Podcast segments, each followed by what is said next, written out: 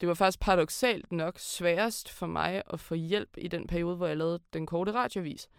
Fordi når jeg skulle forklare folk, hvad jeg lavede til daglig, og arbejdede med at grine, de kunne overhovedet ikke forstå, at jeg også kunne have det helvede til. Ikke?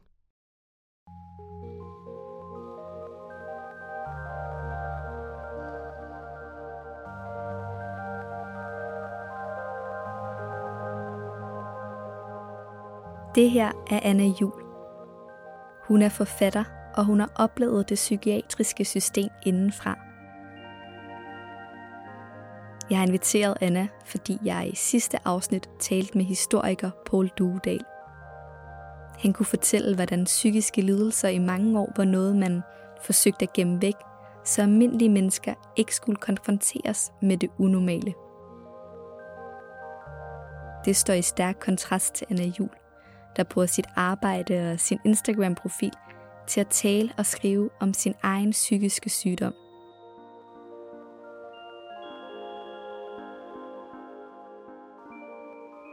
Jeg vil gerne spørge hende, hvorfor hun synes, det er vigtigt at fortælle, når hun bliver indlagt på den lukkede, eller bare mere eller mindre modløs og deprimeret.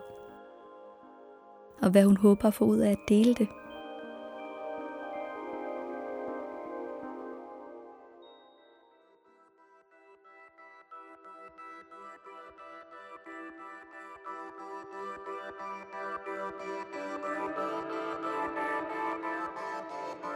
Du lytter til fire afsnit af Unormale Mennesker. Jeg hedder Sonja Furu. Podcasten er produceret i samarbejde med Strandberg Publishing, og den er støttet af Bevika-fonden i anledning af fondens 150 års jubilæum.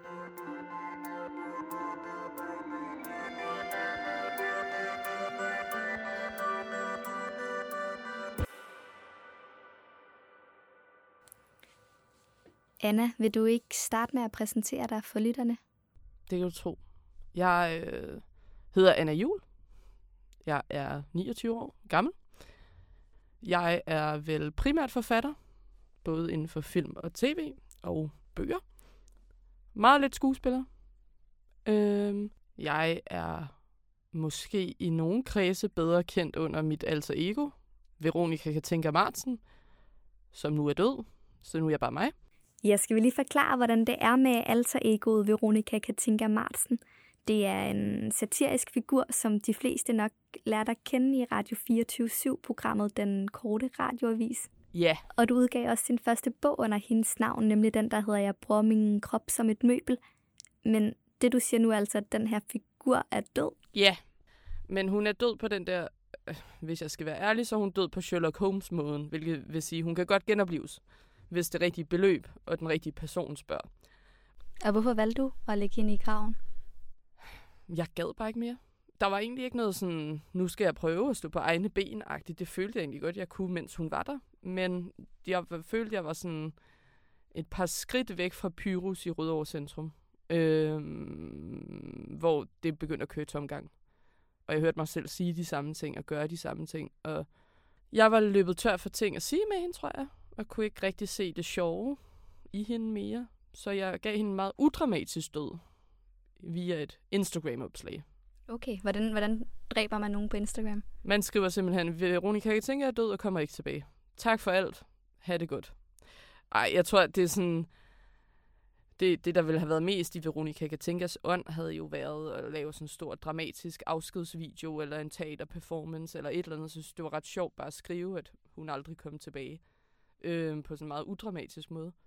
Jeg kan huske, du tidligere har fortalt, at hun ligesom er alle dine dårlige sider samlet i en person. Ja. Og det var i hvert fald meget sådan, hun startede. Altså, hun fik jo også sin egen DR3-serie, Min Kamp, efter Karl Ove Knavsgaard, ikke Hitler. Hvor jeg oplever, at hende og Anna smeltede mere sammen end tidligere. Fordi tidligere har det været meget været sådan, okay, men Anna har en tendens til ikke at have det så godt med selvironi, for eksempel så skruede jeg det op på 100, ikke? Og Anna har tendens til selvhøjtidlighed, og det skruede jeg så også op på 100. Men i, i min kamp der, der føler jeg, at de to universer blandede sig lidt mere, eller i hvert fald sådan, der gik jeg ind og kiggede på, hvorfor det er, at Veronica kan tænke er så irriterende. i stedet for bare at vise, hvor irriterende hun er. Mm. Og hvorfor var hun så irriterende? Jamen, øh, hun var jo sådan en klassisk øh, sådan benægtelsesfigur. Altså, at hvis jo mere man lader være med at forholde sig til, hvor dårligt man har det, jo mere irriterende har man en tendens til at blive, tror jeg. Øh, kender jeg i hvert fald fra mig selv.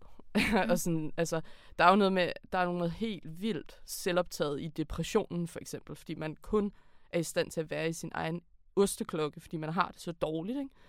Så, så Veronica tænke rendte bare rundt i en osteklokke og havde det sådan, hele verden handler om mig, fordi hun havde det grundlæggende enormt skidt.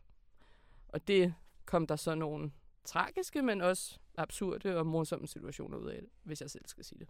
Og du siger det her med, at hun ikke forholder sig til sig selv, og det ofte er svært. Jamen, jeg tror, det, det tog mig lang tid, det tog Anna lang tid at lære at kigge ind af. Jeg ved ikke, om jeg 100% har lært det nu, men sådan tidligere i mit liv har jeg været meget sådan, brugt også min, jeg har jo haft stort set alle diagnoser, der findes på et eller andet tidspunkt i mit liv. Og jeg har været meget tilbøjelig til at bruge min sygdom som sådan lidt et get out of jail free card. Hvis jeg gjorde noget dumt, for eksempel, så ville jeg næste dag være sådan lidt, ej, men det er også lidt synd for mig, fordi jeg er jo faktisk er syg. Og i de seneste par år har det hjulpet mig ret meget faktisk at, at, at gå ind og kigge på, at nogle gange så var jeg også bare straight up et røvhul. Som ikke, det havde ikke noget at gøre med, at jeg var og det er så den indsigt, Veronica kan tænke, ikke har. Hun, hun render hele tiden rundt og tror, at hun kan tillade sig at gøre hvad som helst, fordi hun har en skizofreni-lidelse, som hun sådan bruger mere eller mindre aktivt til at komme frem i verden. Ikke? Nu, nu ser du selv, du har haft alle diagnoser, man, man kan, kan få. Hvad, hvad er det for nogen? Jeg tror, jeg startede med at blive kaldt deprimeret. Og så hoppede den over til depression plus angst. Så var vi kortvarigt forbi en borderline-diagnose. Så blev det til en bipolar diagnose. Så blev det til skizotypi, som blev til skizofreni, som til sidst blev til en skizoaffektiv sindslidelse, som er noget, mange læger mener slet ikke eksisterer, så det er jo meget spændende. Og dem, der mener, den eksisterer, beskriver den lidt som, hvis skizofreni og bipolaritet fik et barn med hinanden. Ikke? Så man både har sådan virkelig vundet i lotteriet med både en ja, en skizofreni-diagnose og en bipolar diagnose i den samme diagnose. Så man kan godt sige, at du har været svær at placere, og du var jo 15 år første gang, du mødte det psykiatriske system. Hvordan oplevede du mødet med det system? Det, der var problemet for mig, har været, at min, hvis, man, hvis man går ned i præmissen om, at jeg har en, en eller anden form for skizofreni-agtig lidelse, om det er skizoaffektiv sindslidelse eller bare i godsøjne skizofreni, øhm, så er mange symptomer kan sidestilles med, eller ligner depressionssymptomer. Hvilket vil sige, at jeg oplevede meget hurtigt, og det var også sådan, det var jo bare også lidt en anden tid, da jeg var 15. Altså i forhold til, hvordan vi snakkede om psykisk sygdom. Det er gået fucking hurtigt. Ja, ja hvor mange år siden er det? det var jamen, det er så 14 år siden, ikke? Mm. Øhm, der var sket noget. Eller, vi snakker om det på en helt anden måde, og det føles lidt som om, at nu, nu har vi åbnet os over for tanken om, at psykisk sygdom kan se ud på alle mulige forskellige måder og at folk med psykiske sygdomme kan se ud på alle mulige forskellige måder. Men bare for 14 år siden var det meget svært for systemet at forstå, at en ung, lidt for tynd, men også sådan rimelig velplejet og velsøjneret ung pige kunne have et problem. Det er, jo, det er jo interessant, at du siger, at man ikke vil antage, at du var psykisk syg, fordi du udadtil levede op til normalitetskravene, hvis, øh, hvis vi kan kalde det det. Men Anna, nu har vi jo talt om, hvordan du har haft det. Hvordan har du det egentlig nu? Altså jeg lever jo et liv, som er sådan, det går fint lige nu, men jeg har konstant en bevidsthed om, at det kan blive lort igen. Så mm. det er et, et andet liv, jeg lever. Og den end... kan vi måske også godt lige gribe, det der med at komme ud af psykiatrien. Er det noget, man gør eller skal, eller hvordan? Jamen, det kommer meget an på, hvem du spørger, tror jeg. Altså, fordi jeg har, jeg har jo haft ufattelig mange psykiater. Og nogen har sagt, at skizofreni er en kronisk sygdom, andre tror på, at man kan du ved, lave recovery, som de kalder det. Øhm, jeg ved dog, at det er utrolig svært at få fjernet begrebet skizofreni fra sine papirer. Og, og det har jo faktisk ret store omkostninger at være skizofren på papiret. Det er svært at blive forsikret. Øhm, jeg, jeg bliver, hver gang jeg går til praktiserende læge, de siger altid, at det er noget psykisk. Der er bare meget bias i sundhedsvæsenet. Så jeg, jeg, jeg vil sige, for mig selv, så stræber jeg ikke efter at blive erklæret skizofrenifri. Fordi for mig, jeg, for mig er det blevet et ord. Apropos ord, så handler en stor del af debatten om identitet og normalitet jo også om vores sprog, om hvordan vi omtaler hinanden med pronomener og funktionsnedsættelser osv. Hvordan har du det med at blive kaldt skizofren? Jeg er personligt fuldstændig glad. Men jeg kan mærke, at jeg øver mig i at omtale det som om, jeg har skizofreni, i stedet for at sige, at jeg er skizofren. Fordi jeg kan, det betyder meget for andre mennesker, at det ikke er noget, man er, men noget, man har. Og det forstår jeg sådan set godt. Så, så på den måde har ord jo magt. Og selvom de ikke påvirker mig direkte, og selvom jeg personligt er ligeglad med, at man kalder det psykisk sygdom eller psykiske lidelser, mm. så går der jo ikke noget af mig ved at sige. Eller det, det, jeg synes faktisk, den er lidt dobbelt, fordi på nogen, jeg, jeg synes heller ikke, man skal eufemismisere, det var et lidt mærkeligt ord, apropos ord, mm. øhm, ting, der er nederen. Altså fordi at en, en lidelse lyder sådan lidt mere pænt og prinsesseagtigt, end en sygdom gør. Og, og hvis der er noget, jeg har lært om psykiatrien, så er det jo bare, at det også er, at man brækker sig eller skider i bukserne, fordi man får ny medicin, eller anden medicin, eller overmedicineret, eller what not, ikke? Så det er, man er bare, man kan være skidesyg af det. Så for mig ser der ingen grund til, at man ligesom sådan får det til at lyde lidt jeg synes, det kan være, ind, ja, det kan være mhm. kontraproduktivt. Ikke? Fordi på den ene side, hvis folk bliver mindre bange for det, fordi det bare er en lidelse og ikke en sygdom, fint nok, men på den anden side, ja, jeg oplever mig selv som syg. Jeg har, har oplevet mig selv som sådan syg. Og ikke som en, der led på sådan en lidt æstetisk spændende måde. Mm. Ja, det ligger også indlejret i vores sprog også, at vejret er skizofrent, eller man bruger det jo også nogle gange nogle lidt uhensigtsmæssige Den er, så, den er lidt, den er lidt dum, men den kan jeg faktisk godt gå med på, at jeg synes, vi skulle prøve at stoppe med, fordi den mest udbredte misforståelse omkring skizofreni er jo, at man har flere forskellige personligheder. Og det er en helt anden diagnose, som jeg tror stort set ingen mennesker lider af sådan en reel personlighedsspaltning. Men, det der, men også det der med, ej, hvor er jeg deprimeret i dag, fordi der ikke var nogen jordbærtærte nede i lavkagehuset. Ikke? Altså, det, den, den er også arbejdet sig ind i sproget, hvor det er sådan, hvis man prøver at være legit deprimeret, så er det altså bare noget andet, end at have en dårlig dag. Ikke? Mm, og hvordan er det, når man har skizofreni? Fordi nu sagde du, det er ikke det, at man har flere, en spaltet personlighed, eller flere personligheder, eller personer i en, men, eller hvordan? Jeg tror, at det er folk, øh, eller derfor misforståelsen er opstået, fordi man sagtens kan høre stemmer eller se ting. Jeg har i hvert fald jeg har aldrig selv oplevet, og kender ikke nogen med min diagnose, der har oplevet lige pludselig at blive til præben. Og så var det, altså, jeg tror godt, man kan høre præben tale til en. Men det der med at kunne skifte sådan lidt Dr. Jekyll, Mr. Hyde-agtigt, det er mere sådan et populærkulturelt fænomen, tror jeg. Jeg, jeg, kan, jeg er jo ikke læge, jeg ved ikke, om der er nogen. Men det er i hvert fald altså, det, jeg kan fornemme med i miljøet, om man vil. At det er den misforståelse, folk er trættest af at der er noget, der kan snappe, og så er du en anden person, for eksempel mm. en øksemorder eller et eller andet Ikke? Så der, man, man kan få nogle vrangforestillinger, men ikke at man, man er en anden person? Eller? Jamen, der er i hvert fald det der med, tror jeg, at mm. man ser jo tit, at vejret er skizofren, når der både du ved, er sol, og så er en sky, og så begynder at regne. Så det er bare det her med, altså personlighedsspaltning er en særskilt diagnose, som er noget andet end skizofreni, som er kendetegnet ved blandt andet vrangforestillinger og hallucinationer og høre, høreforstyrrelser, mm. men også det, man kalder, det, det er det, man kalder positive symptomer, som ikke er, fordi de er fede, men fordi det tillægger din personlighed noget. Mm. Og så er der negative symptomer, som fratager dig, og det er dem, der tit ligner eller er depressionsagtige symptomer, ikke? altså træthed og mm. så videre, så videre. Men Veronica Katinka var ikke en stemme, du havde i hovedet, eller? Nej. Nej. Øhm, det var hun ikke. Hun var simpelthen bare en, en, en karakter, jeg fandt på. Og jeg tror sådan, jeg har aldrig prøvet at finde på en karakter, der ikke mindede en lille smule om mig. Eller som ikke havde en eller anden, og det tror jeg, du kunne spørge de fleste forfattere og manuskriptforfattere om, om, fordi man griber jo efter typer, man kender, eller typer, man kan genkende sig selv i.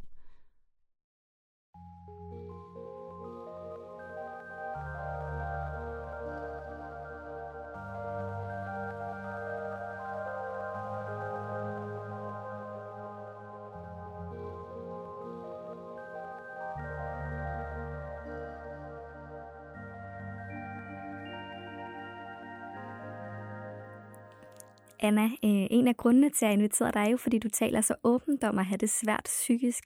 Hvorfor er det, du synes, at det er vigtigt at dele? Jeg har jo prøvet, fordi jeg har i så mange år ikke ville tale om, mm. hvordan jeg havde det. Så er jeg jo fundet ud af, at det gør det enormt svært for andre mennesker. Så jeg har, jeg, jeg fortæller åbent om alting. Jeg fortæller også for åbent nogle gange. Finder mig selv siddende i middagsselskaber, hvor jeg bare udleverer alle mine traumer, uden at nogen giver noget som helst igen. Så de ved helt vildt meget om mig, og jeg ved intet om dem, når jeg går derfra. Det kan jeg godt få det sådan lidt ubehageligt over dagen efter. Men generelt så, hvis det kan hjælpe bare nogen, at jeg, som har overskuddet til at snakke om de her ting lige nu, gør det, så, så, så gør jeg det sgu glædeligt, for jeg oplever, at det bliver nemmere for folk at indgå en samtale med mig om de her ting, hvis jeg selv på en eller anden måde gør det okay, at vi snakker om det. Hvad er det, du vil med din åbenhed? Er det en del af et større projekt? Har du en mission med det? Der er klart et projekt, mm. men jeg vil mere definere projektet som sådan lidt mere ukonkret end... Og hvis der bliver nedbrudt tabu omkring psykiatrien i forbifarten, super dejligt. Men det jeg virkelig prøver med alt, hvad jeg laver, det er at insistere på, at ting godt kan være to ting på én gang. Noget kan godt både være tragisk og sjovt på samme tid, for eksempel. Øhm, og man kan godt både være psykisk syg og alle mulige andre ting end det. Altså så den der ulyst til at blive puttet ned i en kasse. Jeg, jeg, mit, mit politiske projekt er at bryde ud af en kasse og få lov til at svæve frit mellem kasserne på en eller anden måde. Mm. Ja, hvad, hvad mener du med det, man skal placere sin kasse? Jeg tror, jeg har bare... Det, det er jo nemmest at få et samfund til at fungere, hvis man kan sige, okay, du opfører dig på den her måde, derfor har du ADHD, og så gør vi det her. Eller du opfører dig på den her måde, fordi du er normal, og så gør vi det her. Eller så gør man så ikke noget, ikke? Og hvorfor er det, de kasser er så dårlige? Fordi nogle gange kan det jo også være godt, at man, man har nogle, nogle måder at kategorisere, ja, for eksempel sygdomme. Helt enig, egentlig. Men jeg tror bare også, at kasserne er en medvirkende faktor til, at man vil passe ned i dem. Jeg tror, at det på en eller anden måde så begynder ting at reproducere lidt sig selv. Altså sådan, hvis man bliver nu, nu handler det her om normalitet, egentlig, og, sådan, og det, det synes jeg er et mega spændende begreb. Jeg ved ikke, hvad det er, egentlig. Jeg tror ikke, jeg kender nogen, hvor jeg vil sige sådan, du er normal. Og hvis det, det at være normal er det modsatte af at være psykisk syg, så kender jeg mange, der er normale. Men så er der altid et eller andet ved dem, hvor jeg tænker sådan, det er fandme underligt, det du gør det der, eller et eller andet. Øh, men jeg oplever i øjeblikket sådan, at fordi vi stadigvæk på samfundsplan har en idé om, at det normale findes, så bliver det også meget tydeligt, hvis man stikker uden for en eller anden lidt arbitrær normalt. Det bliver meget fluffy det her. Men jeg tror, det jeg mener med det er, hvis du har det svært i folkeskolen af den ene eller den anden årsag, og du reagerer på en bestemt måde, som får folk til at tænke, du har nok ADHD, så bliver du puttet ned i ADHD-kassen, og der skal du potentielt være resten af dit liv. Og der vil jeg bare mene, at nogle gange, eller jeg, jeg har bare tænkt så sindssygt meget over, hvorfor det er, at vi ser et boom af folk med psykisk sygdom. Om det er fordi, vi er blevet bedre til at diagnostisere, vi har fået et større sprog for det, vi har nedbrudt nogle tabuer, om der er et eller andet i badevandet, altså mm. whatever, et eller andet. Jeg, jeg, og jeg aner det ikke, jeg har ikke svaret.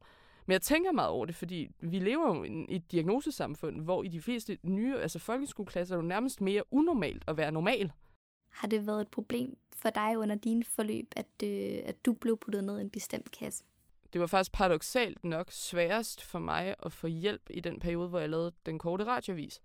Fordi når jeg skulle forklare folk, hvad jeg lavede til daglig, og arbejdede med at grine, de kunne overhovedet ikke forstå, at jeg også kunne have det helvede til. Ikke? Så, så jeg tror, at jeg følte bare rigtig meget, at man skulle, øhm, man skulle vælge. Enten så har du det dårligt hele tiden, og så kan du ikke grine, men kun græde. Fordi for mig for eksempel ligger gråd og grin meget tæt på hinanden. Altså, jeg er tit meget sådan tvivl om, om jeg skal grine eller græde af noget. Hvad kunne det være?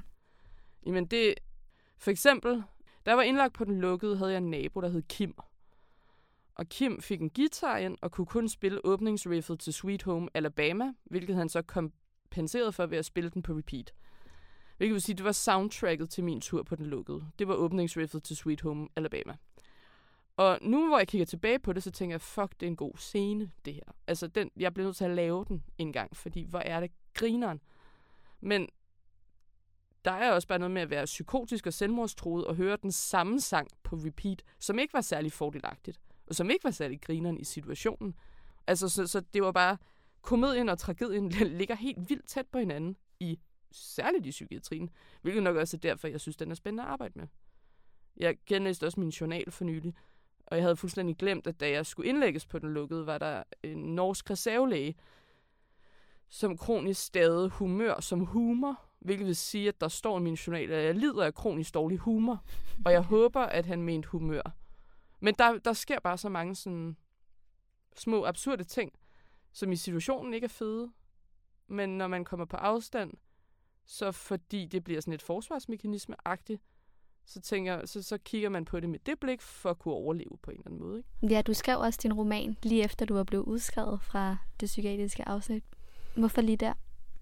Jamen, det var egentlig bare, fordi jeg havde en deadline. Altså, den skulle være, den skulle være færdig efter, jeg blev indlagt i juni, og jeg tror, jeg mente, jeg skulle aldrig være 1. september eller sådan et eller andet. Og så, det er jo, det første, man lærer på filmskolen, er jo sådan, write what you know. Altså, og så, det, det fyldte alt i mit hoved på det tidspunkt. Så det fuldstændig mærkeligt ikke at skrive om det.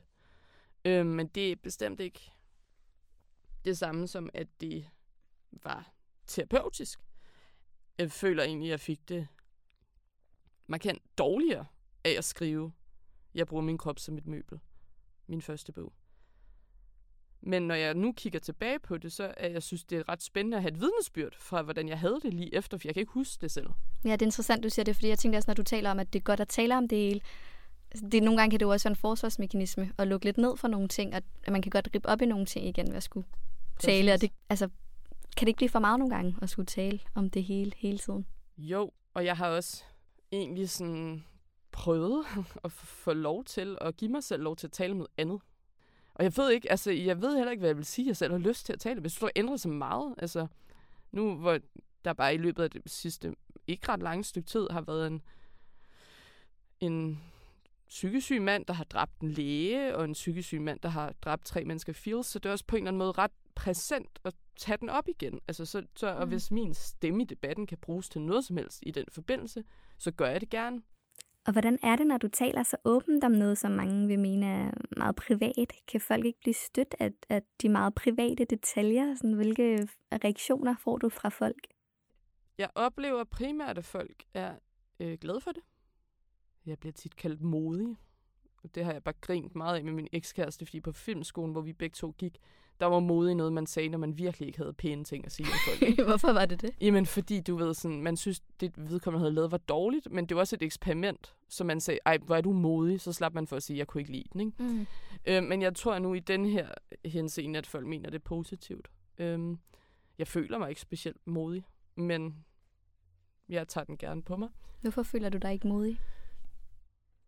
Jamen, jeg synes ikke, det handler om mod. Jeg tror mere, jeg synes, det handler om ressourcer. Altså sådan, jeg, jeg er fra et ressourcestærkt privilegeret hjem. Jeg har andre forudsætninger for at klare mig i livet, end andre mennesker har. Øhm, og derfor synes jeg egentlig også, det er lidt, altså, ikke for at det skal blive sådan helt, øh, de tungeste, bredeste skuldre skal bære de tungeste byrder, men også sådan lidt. Altså, og det, jeg har ikke altid haft de bredeste skuldre, men lige nu, om, øh, siden jeg er begyndt at tale om det, har jeg jo i hvert fald været et sted, hvor jeg kunne, og hvor folk har lyttet til mig. Og så synes jeg også, at det skal bruges til et eller andet.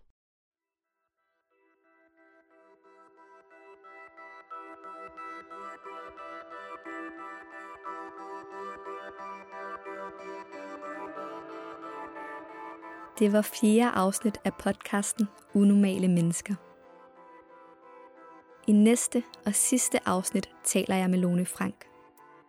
Hun er videnskabsjournalist ved Weekendavisen, og hun har skrevet om et videnskabeligt studie, der viser, at det faktisk er de normale, der er de unormale.